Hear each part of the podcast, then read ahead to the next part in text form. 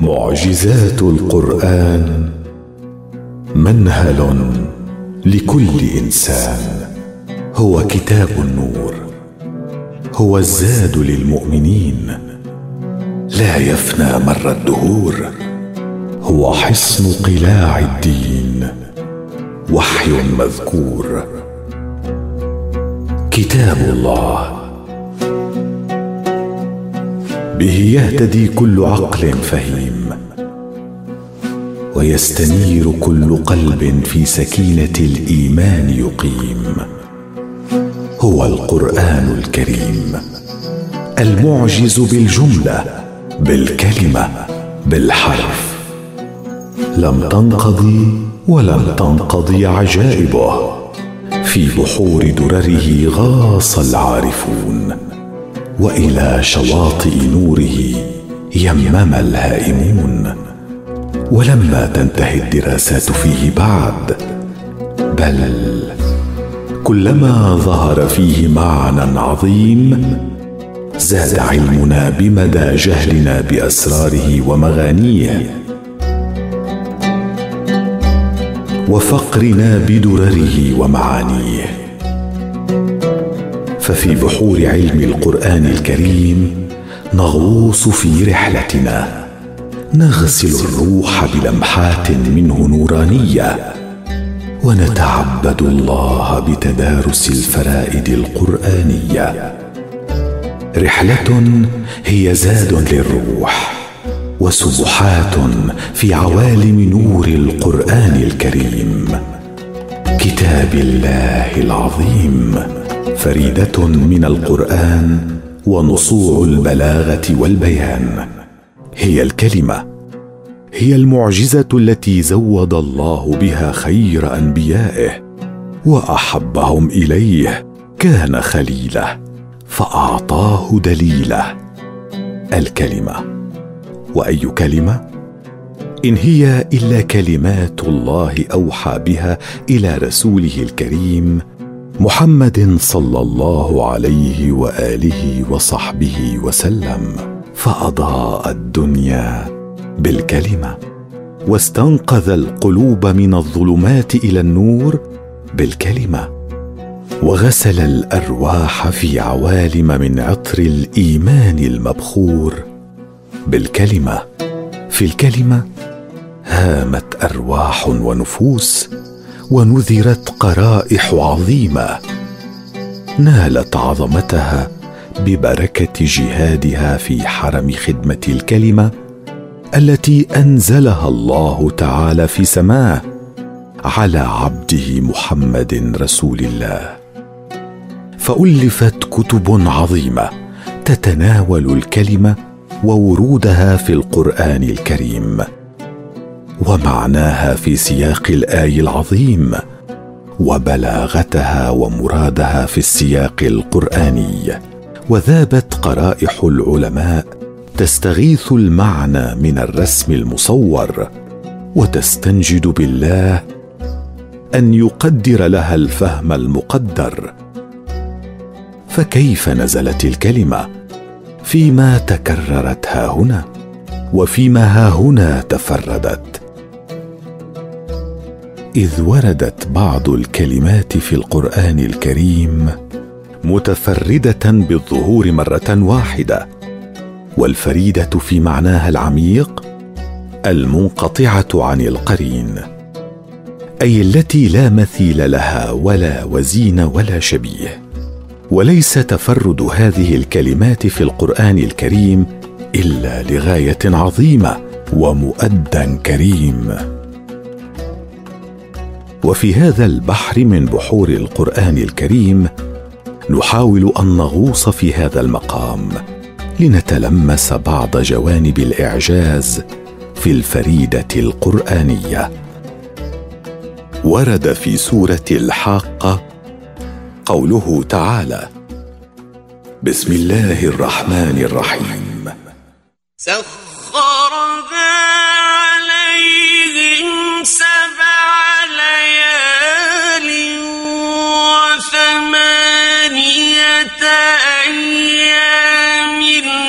حسوما فترى القوم فيها صرعى كأنهم أعجاز نخل خاوية.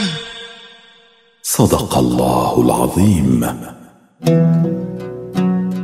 الآية في سياق الحديث عن هلاك قوم عاد بريح صرصر عاتية استمرت سبع ليال وثمانية أيام تذيقهم العذاب وتصرعهم. الفريدة التي تحمل على كاهلها معنى شدة العذاب وهول العقاب الذي محق قوم عاد هي حسوما والحسم هو القطع بحدة موجعة. ويقال حسم الداء أي قطعه كيا. وحسم الشيء أي قطعه فأزاله. وفي هذا الإطار سمي السيف البتار حساما. فأي أيام عاشها قوم عاد وهي أيام سلاحها الحسم. وعذاباتها تهطل عليهم حاسمة كالسيوف الحادة القاطعة. فلماذا قرر المولى عز وجل أن تكون هذه الكلمة حاملة المعنى من دون غيرها من الكلمات كالقاضية أو القاتلة أو ما يجري مجرى السياق المطلوب. ترشد هذه الفريدة في القرآن الكريم أن الريح الصرصر العاتية كانت متفردة في شدتها وجبروتها وأهوال عذاباتها. وكما أن الريح كان سلاحها الماضي على رقاب الكفار صرصرا عاتية. فإن الليالي والأيام التي امتد على مداها هذا العذاب أسلحتها حسوم ومواضيها حسوم. فانظر مضاعفة العذاب وشدة مناكبته. وإذا دخلنا ولو قليلا في فقه الحروف لوجدنا الكلمة حسوما تجهز بما يهول ويفزع. فالجرس الصادر عن حروفها كما لو أنه أصداء أصوات سيوف بتارة تأخذ الرقاب بجبروت وقوة ضمن صفير ريح غاضبة صرصر عاتية. فتأمل لفظ كالسين باحتداد إطباق الأسنان المختصة بالقطع. كيف يصدر عنه؟ جرس حاد. هو شبيه بصوت سيف يهوي على الرقاب وهو يشق طريقه إليها بغضب من بين ريح قوية هوجاء غاضبه والميم الممدودة بالألف كيف تقرر البت بأمر هذا العذاب؟ والاستمرار فيها وترسم جلاله وسطوته إذ هو أمر رب العالمين. فسبحان من جعل الكلمات خزائن أسراره ومواطن لعظيم معانيه. معجزات من الصورة في الآية والسورة. لم ينزل القرآن العظيم على رسول الله الكريم محمد صلى الله عليه وآله وصحبه وسلم. إلا وقد هامت عقول العلماء تتدبر معانيه وتستقصي مغانيه وتفيد من ينابيعه وتستغني من بحوره. ومن بين أفواج الحجيج في حرم علوم القرآن الكريم تجد أفواج العلماء لعلوم العربية تتزود منه وتتلمس المعاني العظيمة من الكلمة والحرف والجملة. مبحرة في عميق المعنى ومجاهدة في تدارس الصورة ومناضلة في سباق خدمة القرآن الكريم. فدرسوا الصورة في القرآن الكريم حتى لكأنهم وقفوا أمام علم جديد أذهلهم بسبكه وإبداعه وهيم أفئدتهم وأرواحهم في عوالم عظمته. ومن الصور ما ورد في سورة العنكبوت في الآية الكريمة. بسم الله الرحمن الرحيم. مثل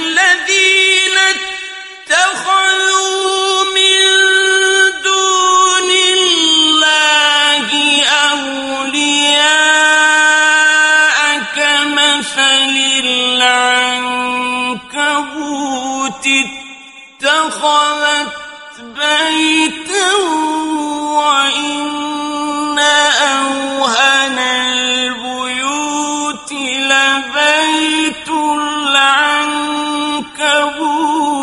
لو كانوا يعلمون.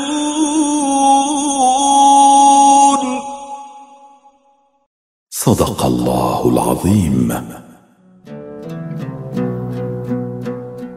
إن الصورة التي ترسمها الآية تدور في فلك معنى الضعف والهوان الذي يسكن الآلهة المعبودة من الكفرة فهؤلاء الذين يتخذون ملجأ لهم غير الله سبحانه كمثل العنكبوت اتخذت بيتا وفي هذه الصورة يجسد الله ضعف هؤلاء بل وما يقاسونه من عذابات نفسية لا نعدم لها الشواهد في حياتنا اليوم عندما نسمع عن الضياع الذي يعيشه هؤلاء وهم يبحثون عن السعادة والطمأنينة فلا يجدونها مهما امتلكوا من متاع الحياة.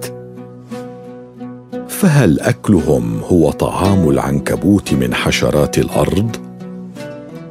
لابد أن اتخاذ هذا المثل تحديدا في هذا الموضع. يشير إلى مقاساتهم هذا النوع من العذاب. ولا تقف الصورة عندها هنا. فقد لا تتنبه النفس بما يكفي لفظيع المراد من ضرب هذا المثل. انظر إلى هذه النقلة المفاجئة في المشهد. إنك ترى أمام عينيك عنكبوتا تسرح ضمن بيتها تتصور حياتها ومأكلها وضيق سجنها. وربما لا تسعفك الذهنية إلى استحضار كل مقومات الصورة. فإذا بك فجأة تشعر بسقطة في مهاوي الضعف. ومن دون مقدمات أو جسر انتقال وكأن مشهدا آخر حضر فجأة ليريك حقيقة ما أنت أمامه. إن أوهن البيوت لبيت العنكبوت. إن كانت في مخيلتك صورة العنكبوت ضمن بيته وجدته انمحق بأي أداة. بريح ضعيفة بدوس من أي دابة عليه أو بأي شيء يستحضره لك الذهن.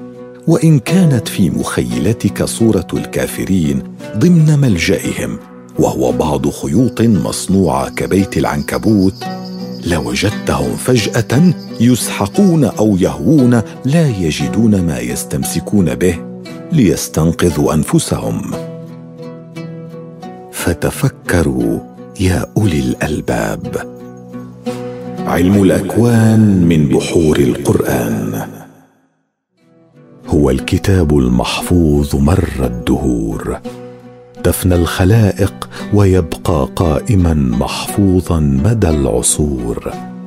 فأي أسرار أودعها الخلاق العظيم في كتابه الكريم حتى تيسر له أن يبقى مشعل هدى ونورا لكل من يسعى سعي المتعطش في الأرض لمعرفة ربه رب الأكوان خالق الأماكن والأزمان مالك الملك الملك الديان. في هذا البحر رسالة القرآن إلى كل بني الأرض.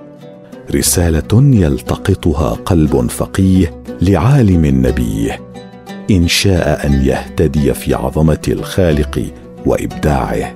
ففي القرآن الكريم ما أدهش علماء الكون الذين ما زالوا يدرسون عجائب الأرض والأفلاك.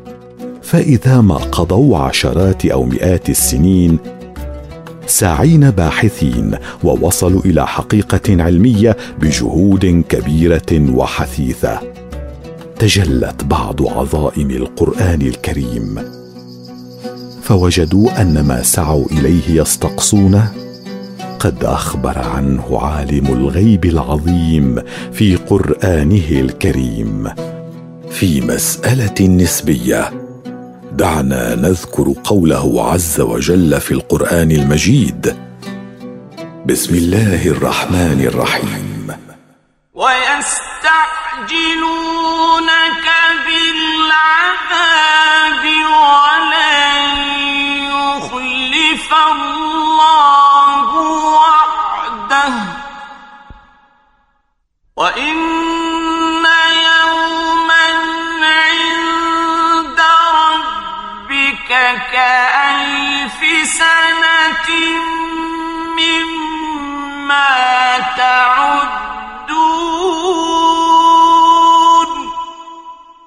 صدق الله العظيم. ولنتأمل قوله تبارك وتعالى. بسم الله الرحمن الرحيم. يدبر الأمر من السماء ثم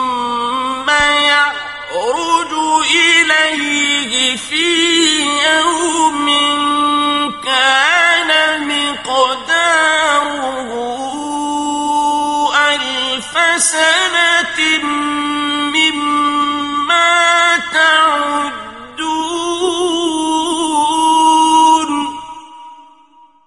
صدق الله العظيم. كم شغلنا هذا السؤال؟ كيف يكون اليوم الواحد هنا على هذه الأرض بألف سنة في عالم الآخرة؟ حتى جاء العلم الحديث ليقر بالحقيقة المنزلة في كتاب الله العزيز وقال إن الجسم كلما زادت سرعته صار زمنه أبطأ حتى إذا سار الجسم بسرعة الضوء يتوقف الزمن تقريبا. وهذا ما أكده العالم أينشتاين في نظريته عن النسبية التي تقول النقطة الأقرب إلى مركز الأرض تسير ببطء والنقطة الأبعد عن مركز الأرض تسير أسرع لأن القوس الذي تقطعه الأولى أصغر من القوس الذي تقطعه الثانية في الزمن ذاته. وجاءت الأخبار العلمية تتصدر أهمية الحدث عام 1976 ميلادية لتقول تأكد للعلماء في جامعة ميرلاند الأمريكية صحة نظرية أينشتاين عن الزمن الذي يمضي بسرعة أكبر في قمة الجبل منها في أسفل الوادي واستخدموا لذلك ساعات ذرية على الأرض وعلى متن طائرة محلقة على ارتفاع عشرة آلاف متر. تبين للعلماء أن ساعة الطائرة تقدمت على الساعة الموجودة على الأرض واستخلصوا من ذلك أن رواد مركبة أبولو زاد عمرهم وهم على القمر أكثر مما لو ظلوا على الأرض. وهذا يودي بنا إلى فكرة الخلود علميا على ضوء الحقائق العلمية التي قدمتها النظرية النسبية كما جاء في قوله سبحانه بسم الله الرحمن الرحيم. واما الذين ففي الجنه خالدين فيها ما دامت السماوات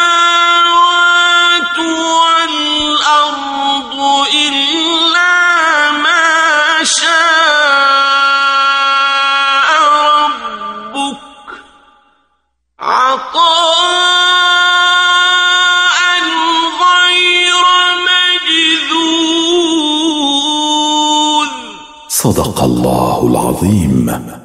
أفلا تفكرون؟